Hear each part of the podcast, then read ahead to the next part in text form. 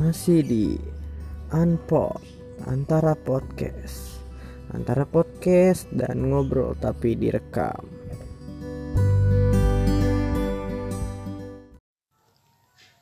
Ya balik lagi sama gua Yang udah lama kalian tunggu-tunggu pastinya. Kapan nih eh, podcast antara podcast ngerekam lagi kapan nih ada publis-publis baru lagi ya kan pasti nunggu banget karena pendengar-pendengar tuh pada banyak yang gesturnya tuh seakan-akan pengen ngedenger podcast gua mah gitu Iya. oh iya gue juga lagi ditemenin sama temen gua Wah kita temenan ya. oh. baru kenal tadi sore nih ya. iya. Tapi gue kalau boleh komen dulu, lu pede banget anjing orang-orang pada nungguin lu. kelihatan dari gesturnya Oh, kan iya. subjektif aja subjektif Subjektif. kelihatan dia ini gesturnya pengen dengerin lagi nih gitu Iya, jadi iya. bikin lagi ah, gue bisa nebak nih kira-kira tema obrolan sekarang pasti hal yang sifatnya subjektif juga nih. Iya gak sih? Iya, iya, kita Oke. bakal ngomongin eh mau ngomongin kayak yang sekarang-sekarang ini terkenal nih meme-meme-nya. Ada banyak revolusi-revolusi meme Wah, baru. Iya.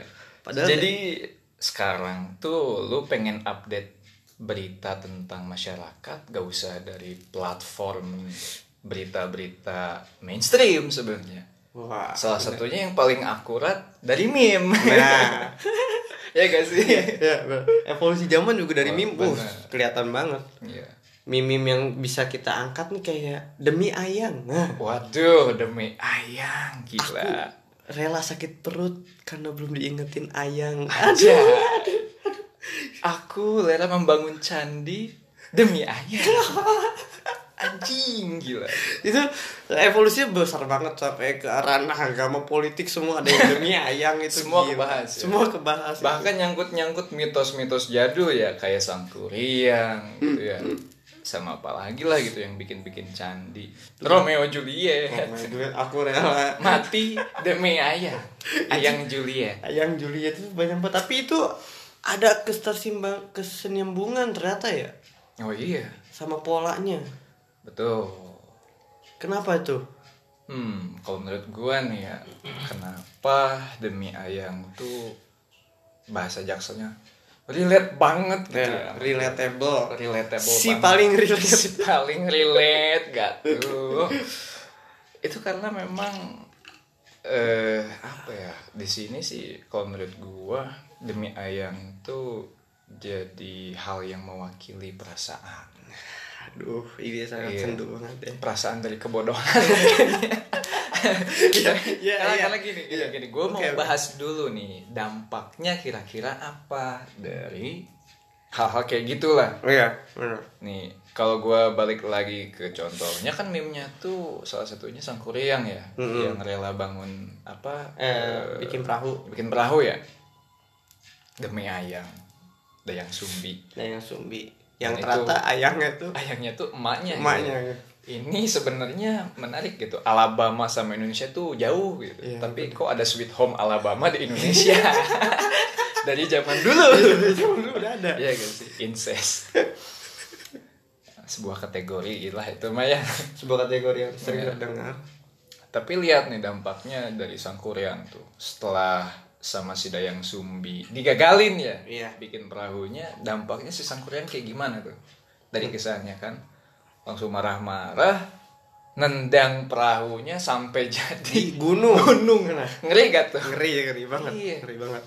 Dan berapa mungkin ini juga kalau gua relatein sama kondisi sekarang berapa banyak pasangan yang karakternya tuh hubungannya toksik lah ya Iya. gitu. demi ayang tuh bagi di sudut pandang gua yang sampai ke pembunuhan hmm. terakhir inilah yang paling ekstrim yang pernah gua denger tuh dipacul lo tahu gak yang di tol Nah bukan oh bukan ada yang baru lagi Enggak itu yang dipacul dari apa sore-sore nih dari kelamin si perempuannya itu dipacul. Maksudnya dimasukin pacul men. kok bisa itu Setelah dipakai gue gak tahu tuh. jadi kenapa hubungan antara demi ayang dan dipacul kalau istilah romansi romantisnya kan nggak mungkin lah dia sampai ngepacul Ya, itunya kalau iya. demi ayang Karena gini berat apa demi ayang tuh apa ya eh, tendensinya gitu atau yang kebayangnya tuh kalau ngedengar kata itu atau kalimat itu tuh sebuah konsep penyerahan diri Hmm. Ya gue mah demi ayang aja dah Iya, iya. gue rela nggak makan demi ayang kan tolol ya padahal ya makan mau makan aja Iya, gitu. makan makan aja. Ayang juga nggak tahu ayang. kenapa Indonesia merdekanya telat gitu Iya. ya, karena belum disuruh proklamasi sama ayang gitu ya sampai kejajah 350 tahun gitu kan ya Belum ada itu Aduh. seorang wanita yang kepikiran kayak suami gue harus proklamasi udah gak ada. ya Jadi meskipun itu meme-nya Iya, lah ya bener. gitu konteksnya tapi kalau kita lihat di apa eh, yang lebih relate lah gitu di realitanya kan contoh kasusnya kayak makan dong ya nanti aja deh kamu dulu gitu kamu dulu kamu dulu kamu dulu Ma- modar we gitu kan ya gak ada yang makan. Iya. Jadi gue penasarannya gitu apa kok bisa gitu orang-orang itu sampai ke seniat itu untuk melakukan apa pun demi si ayang ini gitu. Jadi dia tuh udah menyembahkan dirinya, mempersembahkan, Hmm, mempersembahkan gak sih? hidupnya. Jadi segala sesuatu yang dilakukan tuh tujuannya tuh ke ayang itu ya. Iya. Dan itu toksik bagi gue. Hmm. Karena gini bos, perihal, perihal hubungan ya. Gue ngebahas kenapa itu bisa dikatakan toksik. Karena di sini eh meskipun perihal cinta mah semua orang mungkin pemula ya. Tapi dari Betul. pengalaman gue Iya, ya, iya, dari gagal gagal gagal gagalnya hubungan gue, itu gue nemuin pemahaman kalau mungkin hubungan yang ideal itu di saat si cewek sama si cowoknya independen. Nah, bisa berdikari gitu. Jadi nggak ada tuh istilah demi ayang demi ayang hmm, hmm. yang jelas ya gue hidup buat gue sendiri dan di saat ada eh, lawan jenis yang pola pikirnya sama ya udah kita nyatu aja gitu Jadi klop gitu. iya tapi bukan berarti ada ketergantungan gitu Iya karena demi ayang tuh konsep ada konteks ketergantungan juga ya. iya ketergantungan dan kecanduan Iya, kecanduan. iya Karena gimana makan harus diingetin ayang, Iya. tidur harus disuruh ayang, semuanya harus disuruh ayang itu kan tergantung parah gitu. iya kan. Jadi, padahal toksik. Tubuh lu sendiri yang minta gitu kan buat makan anjing gitu. Nah. Kenapa lu harus bergantung sama ayang gitu? Nah, itu jadi kenapa tuh bisa ada kalimat-kalimat yang menggelegar itu romansa romansa kayak gitu, romantisasi kan? Ah iya. Kalau gua nyoba ngebedah, mungkin dari ini apa kalimat-kalimat itu datang dari eh, kesalahan berpikir. Hmm, Karena di sini referensi ya. oh iya. Karena gua gak yakin gua bisa ngelakuin hal itu kalau nggak ada referensinya. Hmm, Contoh, gue nggak akan tahu eh, apa ngerokok itu enak kalau nggak ada yang nyentuhin. Kalau nggak ada yang nyentuhin. Iya gak sih gitu. Kalau nggak ada testimoni. Referensi, iya. Karena di sini kan referensi orang-orang tuh kebanyakan orang. hmm, hmm, hmm. Dan di saat kebanyakan orang ngelakuin itu jadi pembenaran dia. Ya, ya. Kalau ya mungkin yang normalnya kayak gini.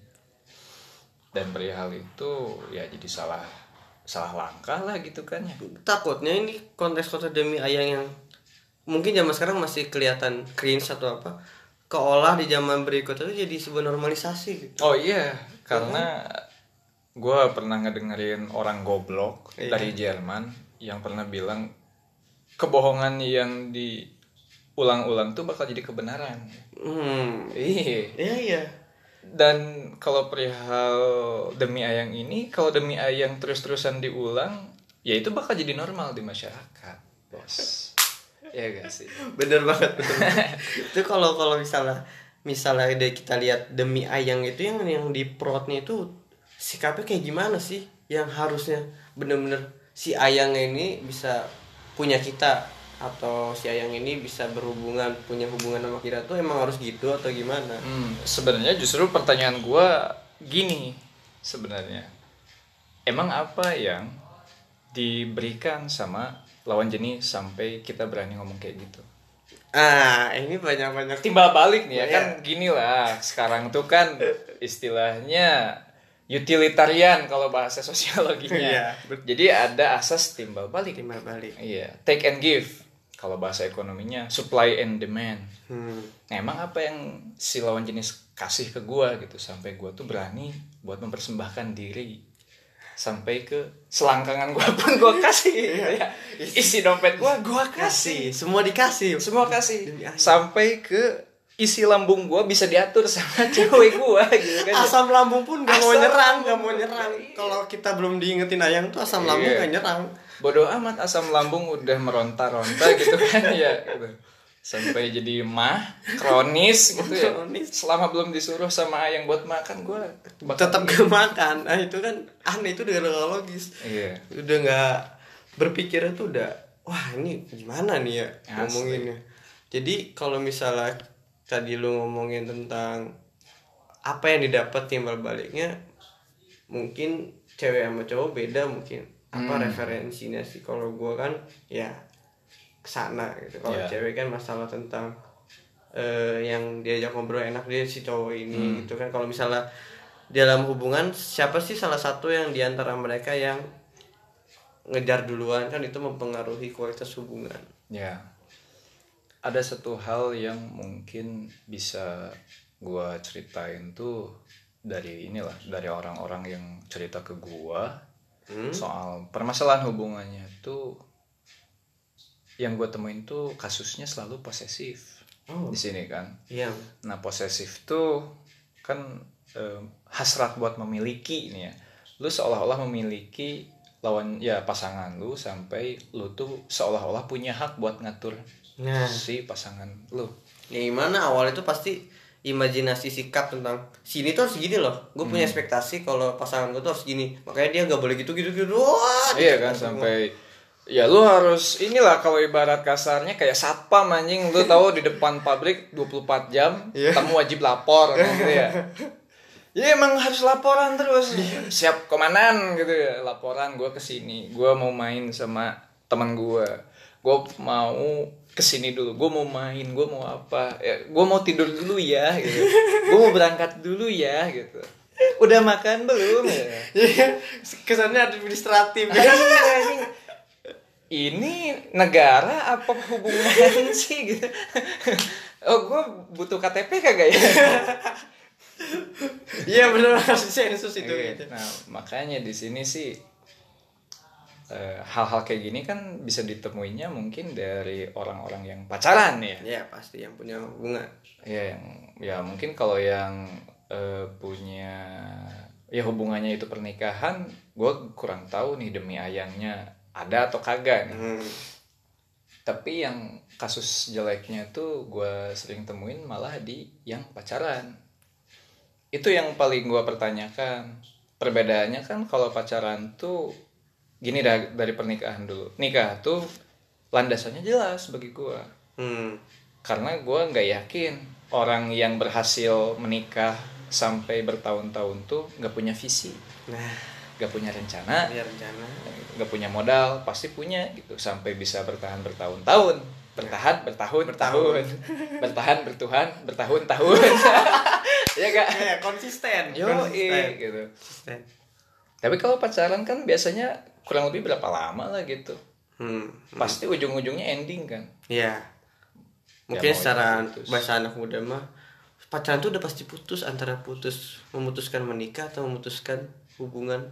Sampai pertemanan pun tidak jadi temenan lagi kan gitu. Ya kalau enggak mati lah ya. Mati ya, ya, itu mah itu udah pasti. lah. Langsung orang bakal mati.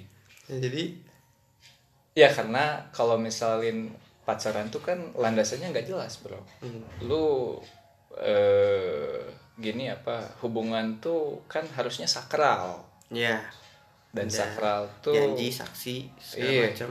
Maksudnya yang lu janjikan tuh bukan hal yang ecek-ecek gitu kan. Hmm. jadi kalau misalnya lu main-main dan wajar bagi gue pacaran karena itu main-main. Ya emang. Karena gue yakin gitu secara keumuman di masyarakat kalau ditanya hubungan yang serius pasti nikah ya gak sih Iya, ada ini ada kedua antonim gitu ya, antara serius dan bercanda kan itu antonim gitu. Ya, iya. Kalau ngomong oh itu mah hubungan serius mah ya nikah. Iya. lawan katanya kan apa lagi? Lawan kata serius apa lagi? apa pun yang bukan nikah Iya, apa pun yang bukan nikah. Iya. Iya benar, benar itu masuk masuk Nah ini bisa jadi landasan gitu kenapa demi ayang tuh bisa naik ke masyarakat. Bahkan kan kalau ngedengar kata-kata itu konotasinya negatif, hmm, hmm. kebodohan. Tuhan. Karena ya lu kenapa bisa rela buat berkata seperti itu di saat yang jadi fondasi hubungan lu aja nggak jelas. Iya, iya. Karena gue yakin gitu dari pengalaman gue aja kan biasanya dari nafsu. dari tolak ukurnya tuh biasanya biasanya dari hal-hal yang menggairahkan apa sih ya kita tertariki kan Nah, iya gitu. Karena itu yang jadi ya rata-rata lah gitu. Gue juga gak bisa bilang ke apa semuanya gitu. Mungkin rata-rata kayak gitu. mah buat yang emang kebetulan ngelakuin jadi kalau ada yang eh kalau gue mah nggak gitu ya udah lu gak usah gak usah speak up kan lu gak gitu Ya, gue mah ini fokus ke demi ayang aja. Iya demi ayang aja dulu akar permasalahannya kan ayang yang mengayang-ayangkan seorang ayang Iya. yang terayang. ya kalau misal ini tuh kan eh, ngelihat inilah kalau ibaratnya tuh kalau dari podcast yang sebelumnya kita dengar Iya. itu tuh masalah demi ayang tuh kan asap Asap. Yo Iya. nah asap itu nggak akan mungkin ada kalau misalkan nggak ada api, Api. yang menyala gitu nah makanya gua tadi ngobrolin tentang hubungan sama landasan hubungan tuh karena itu yang Karena jadi apinya pas ada asap itu kita nggak fokus ngilangin asapnya, tapi Iya. fokus dari mana tuh asap api yang jelas pemantik dari asap itu. ya karena gua gak pernah lihat pemadam ini petugas pemadam kebakaran itu malah sibuk ngilangin asap asap nggak ada. Gak ada. ada. Pasti Ah, yang ada yang gue lihat tuh justru fokus nyari air buat madamin api, Nah, ya bener. bukan madamin asap. bukan. Jadi kenapa kita ngomongin ke ranah awal dari ada kata demi ayah kan dari sebuah hubungan itu. Yo, amen. Gak mungkin lagi temenan di angkot doang kenal tiba-tiba udahlah kamu duluan yang turun. Demi kamu demi ayah. Nggak mungkin pasti harus ada hubungan dulu. Harus ada kontrak dulu. Iya. Nah, permasalahannya kan di sini kontrak tuh atau sebuah ikatan tuh kan kalau di nikah nih gue bandingin. Ada saksi ada hal yang diucapkan mau sama si cewek mau sama si cowoknya dan ada saksi dari pihak keluarganya si cewek gitu sama ada penghulunya gitu. jadi kepastiin gitu. Hmm. orang yang ada di eh, event itu event yang ada di event itu tuh mereka semua jadi saksi gitu. Benar benar. Bahwa ya karena kan gini ya apa sih yang dipegang dari cowok sama cewek gitu? Bukan Apa? cowok doang ya. Eh, kalau cowok ada pegangan nih ada cewek juga ada Iya sih, sebenarnya janji kan sebenarnya. Iya. janji itu memang hal yang sakral. Makanya kalau misalin pacaran tuh ya itu mah kawenya dari janji lah mungkin. Tidak tidak terstruktur lah ya. iya. Makanya kenapa kalimat-kalimat demi ayah ini mendengung besar Iya. di negara tercinta kita. Ah benar. Kayaknya awalnya tuh dari orang-orang yang ngomong aku nggak bisa hidup tanpa kamu. Ah menarik nih. Kan aku tidak bisa hidup tanpa kamu. Aku akan selalu menemanimu sampai kapan pun. Aduh. Di mana pun aduh. pikiranku hanya kamu saja. Aduh gila banget. Indah di telinga tapi nggak indah di realita cuy. Ya. Ih, bener. Nggak indah banget. Karena kalau diimplementasi dari kata-kata dan dilakukan sepenuhnya tuh aneh anjir ya, gimana? Di mana pun dan kapan pun ada dia kita ada kan? Ngeselin anjing. Ngeri sebenarnya. Iya iya lebih ngeri juga kan. Gua akan selalu ada buat lu ketika lu berak gua ada di depan lu gitu ya. Kan, kagak risih. gitu konsepnya. Ya maksudnya gini sih. Bagi gua ya itu manusia agak berani juga buat ngomong kayak gitu. Contoh kayak aku akan selalu ada buat lu. Itu tuh dikatakan oleh seorang manusia yang bakal mati hmm. hmm. gimana kalau yang ngomong itu mati duluan nah selalu ada lah kata apa dulu nih yang ada kalimat selalu aja terbantahkan oleh kematian tersebut Iya. Jadi sotoy sebenarnya. Lu seolah-olah nggak akan mati anjing gitu. Itu Atau seolah-olah ya bakal si ceweknya bakal mati duluan gitu misalin gitu kalau Nah, si cowoknya itu- yang ngomong Kalau itu masih masih rada bisa masuk lah kalau si cewek yang mati duluan. Karena selama dia hidup si cowok ada terus. asli gitu Tapi kalau si cowok mati duluan kan lucu gitu. ya karena kan gue bukan malaikat yang selalu ada gitu kan ya Di yang samping. selalu di samping gitu Selalu gue harus kita. tidur gue harus makan gue harus ngurus ini itu terus si ceweknya mengharapkan gue selalu ada gitu. Bahkan menurut gue daripada pasangan lu yang selalu ada batu tuh iblis anjir. Iblis tuh selalu ada di dalam diri manusia. Bahkan Ada janji aja. dia tuh dari dari awal sampai kiamatan itu ada. Jadi kalau masalah quality time lu sama pasangan tuh lebih lebih quality time iblis anjir. Setiap hari ada. iya benar benar benar-benar gila juga itu memang Iya, mungkin contohnya ada brutal tapi itu bener. Asli Itu kan janji juga dia menepati janji kalau dia selalu ada buat kita. Nah, jadi sebenarnya lebih kalau balik lagi nih. Itu memang kenapa gue bisa katakan toxic relationship itu karena memang eh demi ayang tuh artinya nggak sehat buat yang ngomong demi ayang sebenarnya. Hmm. Karena di sini lu nggak memperhatikan diri lu sendiri gitu. Karena di sini apa ya lu cinta mungkin sama pasangan lu tapi lu nggak cinta sama diri lu sendiri berarti. Karena lu rela melakukan apa pun gitu.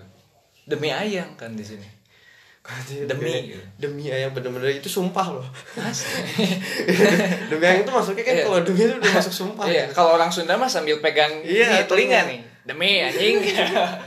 Aslina anjing. Pasti gitu. ayam demi ayang ya aing mah gitu kayak itu berarti udah nggak sehat Iya. Tapi di sisi lain nih, gue melihat dari demi ayang ini artinya manusia itu membutuhkan sesuatu tempat bergantung. membutuhkan apa yang menjadi landasan dia melakukan sesuatu Iya. Karena kan kalau tadi balik ke take and give, ada hal yang diberikan oleh pasangan ke kita. Makanya kita berani buat ngomong demi ayang. hmm. Nah pertanyaannya, siapa yang lebih pantas? untuk menjadi si ayang ini dibalik kita ngomong demi itu kan. Iya, kan gitu. Siapa yang lebih pantas gitu? Kalau misalin, oke nih pasangan gua tuh yang pertama ngasih kenyamanan, ngasih duit gitu Ngasih kan ya. duit. Kadang-kadang mungkin neraktir kan gitu ya. Cuman keseringan, kan jadi enak gitu. lebih dominan ini Lebih dominan. lebih dominan Atau ngasih jemputan kan, tukang antar kayak Gojek gitu kan ya ya. siap Gojek pribadi terus ngasih sentuhan-sentuhan fisik mungkin kan gitu ya physical touch ya physical touch love gitu kan Iya. ya disclaimer dari cabul enggak enggak. Itu bahasa yang lebih soft. Lebih soft Lebih jadi lebih lebih orang-orang tuh lebih oh physical touch gitu kan. Sebenarnya physical touch itu netral. Bener Iya. karena kalau pencabul yang mem- membuat sebuah physical touch ke gua beda konteks. Iya kan gitu. Iya. tergantung orangnya dulu. Tergantung orangnya juga Cuma kalau balik lagi nih, jadi eh, apa dari apa pun yang udah diberikan sama si Ayang ke kita gitu, pikirin lagi gitu, emang dia benar-benar bisa ngasih segalanya gitu, nah. Atau ada sesuatu yang benar-benar dari dulu dari awal kita lahir sampai nanti kita mati, sampai dilahirin lagi. Ada lagi maksudnya. Ya itu terus-terusan ngasih. Hmm. Dan tanpa pamrih. nah itu lumayan harus diteliti tuh siapa sih ayamnya yang harus kita gituin. Soalnya kriteria sangat susah ya buat Iya. karena Anya Geraldine pasti mati Pevita Pierce ya pasti mati Iya kan? gitu. Siapa Jadi ya? nggak akan selalu ada buat akan kita. selalu kan. ada. Ya, makanya pertanyain aja siapa yang selalu ada gitu. Cuman kita sering ngelupain. Aduh gila gatut. Bayangin aja nih ya, lu selalu ada buat satu cewek atau satu cowok lah gitu kalau lu cewek.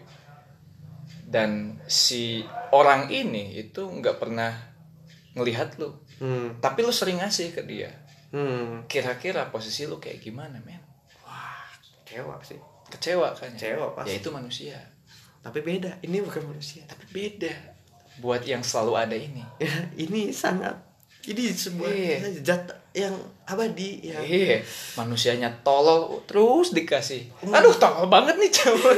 Kayak gitu. Nggak mungkin lu pacaran cowok lu selingkuh ini udah udah buat kamu nih gojek gopay gopay nggak mungkin Iya. lu pasti kesel tapi kalau ini enggak ini bukan manusia Nah itu bagi gua sosok ini tuh ya Tuhan berarti. mungkin definisi kamu terlalu baik buat aku tuh harusnya diarahkan ke Tuhan sih karena kayak gue maksiat gue sholat belang bentong tapi dia tuh baik banget gitu Asli. Iya juga ya. Iya juga. Enggak orang alasan buat nolak seseorang tuh kan ya lu terlalu baik buat gua gitu. Mungkin itu juga alasan kenapa orang tuh nggak mau bertuhan. dia Karena Tuhan terlalu baik terlalu buat baik. manusia. Dari Tuhan yang kayak kayaknya dia mah. Yang nggak sehat lah carinya ya karena apa ya yang ngelakuin kesalahan pun terus-terusan dikasih nafas lagi no kasih nafas lagi aja gitu karena kalau misalnya Tuhan nggak baik mah mungkin tiba-tiba mati gitu atau enggak tiba-tiba ada tragedi tragedi yang kita mati di tempat Ya, apa pun mengenaskan itu lah gitu. itu. tapi kan buktinya Tuhan selalu memberikan poin-poin yang bisa kita ambil hikmahnya gitu Iya. Nah, kalau gua tegasin nih, jadi sebenarnya dari fenomena di masyarakat yaitu meme demi ayang tuh memang sisi negatifnya tuh yang tadi dari hubungan ya kurang lebihnya dari pacaran lah ya. Yang emang landasan dari mereka berpacaran itu nggak jelas. Ya. Mau kapan eh mau dari kapan sampai kapan kan gitu. Kalau dari pernikahan tuh kan ada istilah till death do us part gitu. Jadi sambil modar gitu. Eh sampai sam- sampai meninggal gitu. Ada lagunya ya. Iya till death do us part. Nah jadi nggak ada tuh bahasan-bahasan kayak gitu. Mau dari kapan sampai kapan? Apa aja hak gua dan apa aja hak lu? Apa aja kewajiban gua dan apa aja kewajiban lu? Kan nggak ada Nggak ada. nggak ada pembahasan. Yang penting ngebrang ngebrang ngebrang kayak gitu ya. Paling pembagian perannya tuh kelihatan pas split bill sih. Oh iya pembagian perannya tuh di saat eh di kasur mungkin ya. Siapa yang menjadi barongsai di bawah dan siapa yang menjadi barongsai di atas? Barong style barang style aja. Iya gitu. Gaya baru tuh. Ya gitu. Biasanya pembagian peran tuh hanya sebatas itu. Kamu bayar nonton aku bayar makan. Itu kan pembagian peran tapi kan kompleksnya nggak cuma itu bro. Kalau sebuah hubungan Iya. Gimana mengingkatkan dua kepribadian dalam satu eh, hubungan iya bahtera bahtera. Ya, bahterano gitu ya. Iya benar. Ibarat bahterano karena bakal ada banjir bandang. Banjir selalu berikat gitu. setelah kita berbahtera bakal ada banjir. Setelah kita menyusun kapal bakal ada lautan yang mengempaskan Iya. Jadi setelah kita nikah tuh bakal ada ujian-ujian. Yo imen kan kalau ya setahu gua tuh kan jangan pernah mengaku yakin kalau belum diuji. Nah gitu. Nah balik lagi nih ya. Nah dari hubungan yang nggak ada landasan jelas kayak gitu wajar gitu. Apa mengakibatkan patah hati Hmm. yang sangat mendalam. Uh. yang mungkin kita pernah alamin lah ya. Iya, atau benar. pendengar pun pernah alamin. Pasti pernah. Plus sama ini apa eh, setelah patah hati juga biasanya kan jadi depresi, anxiety, Uh. overthinking. terus asa. Yo jadi semuanya. iya Semua diagnosa self- mental health butuh tuh. self healing gitu kan ya. Membuat jadi TBL gitu kan ya. Takut banget loh buat apa berhubungan lagi. Kan gitu ya. Jadi trauma trauma. Trauma gitu. PTSD post traumatic apa ya? Post traumatic syndrome disorder gitu. Uh. Kagak tahu dah gue oh stress disorder S nya tuh. nah setelah ya karena hubungan yang nggak ada landasan kuat itu manusia ya pada akhirnya jadi kalang kabut nggak punya arah. Hmm. karena emang ya gitu. Karena- ya dampaknya banyak ya, banyaknya lah bisa pokoknya kayak ini demi ayang tuh emang kalau kita lihat mah kayak masalah kecil tapi Hmm. sebenarnya besar kan Ya, karena di sini kan lu nggak sayang ke diri lu sendiri Hmm. gitu. Ini- lu berkorban banyak saat sama pasangan lu. Tapi lu nggak pernah ngecek pengorbanan apa yang udah lu lakuin demi lu, lu sendiri. iya iya Demi eh apa ya? Ya meningkatkan kualitas diri lu lah, mau itu secara finansial, secara pemahaman pikiran gitu ya karakter Iya. kepribadian atau bahkan habit lu karena semua habis demi ayang gitu kan ya semuanya hancur Iya, karena kalau semua habis demi ayang, ya lu nggak punya ruang demi lu sendiri. Ya gak sih? Nah, itu itu yang banyak kelihatan di masyarakat masyarakat Iya. pemuda pemuda sekarang sih semuanya hancur demi ayam tuh iya. Nah, tapi nih di sisi lain yang gua lihat tuh ini tuh seolah-olah settingan pabriknya manusia. Manusia itu memang membutuhkan sosok ayang. Hmm. Di sini jadi yang jadi permasalahan bagi gua adalah siapa yang lebih pantas menjadi ayang. balik lagi tadi siapa yang pantas nih Iya, dan yang patut gua akui ya cuma Tuhan, Bro. Allah subhanahu wa taala yang lebih pantas untuk menjadi dari konsep take and give yang lebih banyak nge-give Hmm. itu ya Allah Tuhan ya Apalagi? iya Allah semua kriteria tentang karakter-karakter ayang yang ada di otak lo nih kalau lu hubungin kamu semua ada. Iya. Yang sering ngasih bahkan tanpa lu minta. Iya. plus nih lu nggak bisa mengukur kasih sayang itu dari bentuknya. Kadang Tuhan menguji lu itu karena bentuk kasih sayangnya. Sebagaimana kalau lu menasehati ayang lu itu demi kebaikan ayang lu ya sama aja ya korelasinya. Iya, lu harus berani buat ngasih nasihat ke pasangan lu. Meskipun lu tahu bakal debat gitu kan ya. Tapi lu tahu ini demi kebaikan pasangan lu. Begitupun Tuhan menurut gua. Jadi tragedi ke atau ya nasib buruk yang kita alami sebenarnya itu tuh bentuk cintanya Tuhan uh yang nggak pernah kita sadari sebenarnya dan makanya bagi gua yang lebih cocok menjadi ayangnya manusia itu adalah Tuhan. Yo imen jadi clear nih ya tentang demi ayang yang kesalahan pola di orang-orang sekarang tuh ayangnya siapa sih? Ya kan? Yang dijadiin Iya. ayangnya siapa? Kok yang jadi ayangnya bener ya demi ayang tapi kenaun gue mangga lah. Gak apa-apa lah sampai kapan pun Iya. demi ayang juga. Karena gue juga kayak gini kan demi ayang yang gue maksud itu Tuhan. Iya. Jadi ya kita pun punya ayang kita punya santai aja. Cuman siapa yang menjadi ayang kita? Ya mungkin berbeda di sebelah sana ya guys. Gitu. Karena di sini gue pengen inilah buat mungkin di sesi terakhir lah ya. ada eh, si apa seorang psikolog asal Kanada. Namanya Jordan Peterson. Dia itu dokter. Hmm.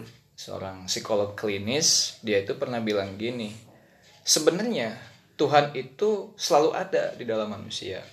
Karena secara peran fungsi ini dari kacamata psikologi Tuhan itu definisinya nilai apa pun yang paling ada di atas dan itu pasti diprioritaskan sama manusia. Nah itulah Tuhan manusia. Bisa jadi si ayang ya lawan jenis kita. BF bisa jadi duit ya. Bisa jadi duit bisa jadi jabatan mobil ke apa pun itu. Nah itu Tuhan menurut si Jordan Peterson. Wah sangat dalam karena sekali kan demi ayang ini kan konotasinya adalah sebuah nilai yang manusia yakini dan diprioritaskan secara apa ya tingkatan tuh pasti paling atas mau emak lu manggil pun kalau ayang manggil ya mending ke ayang, Ayang. aja karena demi ayang gitu kan ya lebih di atas posisinya gitu Iya bener bener bener banyak kejadian kayak gitu ya. Iya. disuruh Makanya- beli garam gak mau Iya. giliran LDR jauh sampai Papua juga dikejar Ya, nah itu bagi gue bukti bahwa Allah sebagai Tuhan itu haruslah di atas posisinya, harus diayangkan. Harus diayangkan sama manusia-manusia yang lain, karena lebih berat gitu. Ngasih sayang juga kan ke manusia. Gitu. Dan ya eh, gue jadi ingat kata-kata dari sebuah apa ya akun di Instagram. Gue nggak akan kasih tahu namanya apa tapi gini. Cinta macam apa yang bisa memposisikan aku lebih tinggi daripada Tuhanmu anjing. Ngeri gak tuh kata-katanya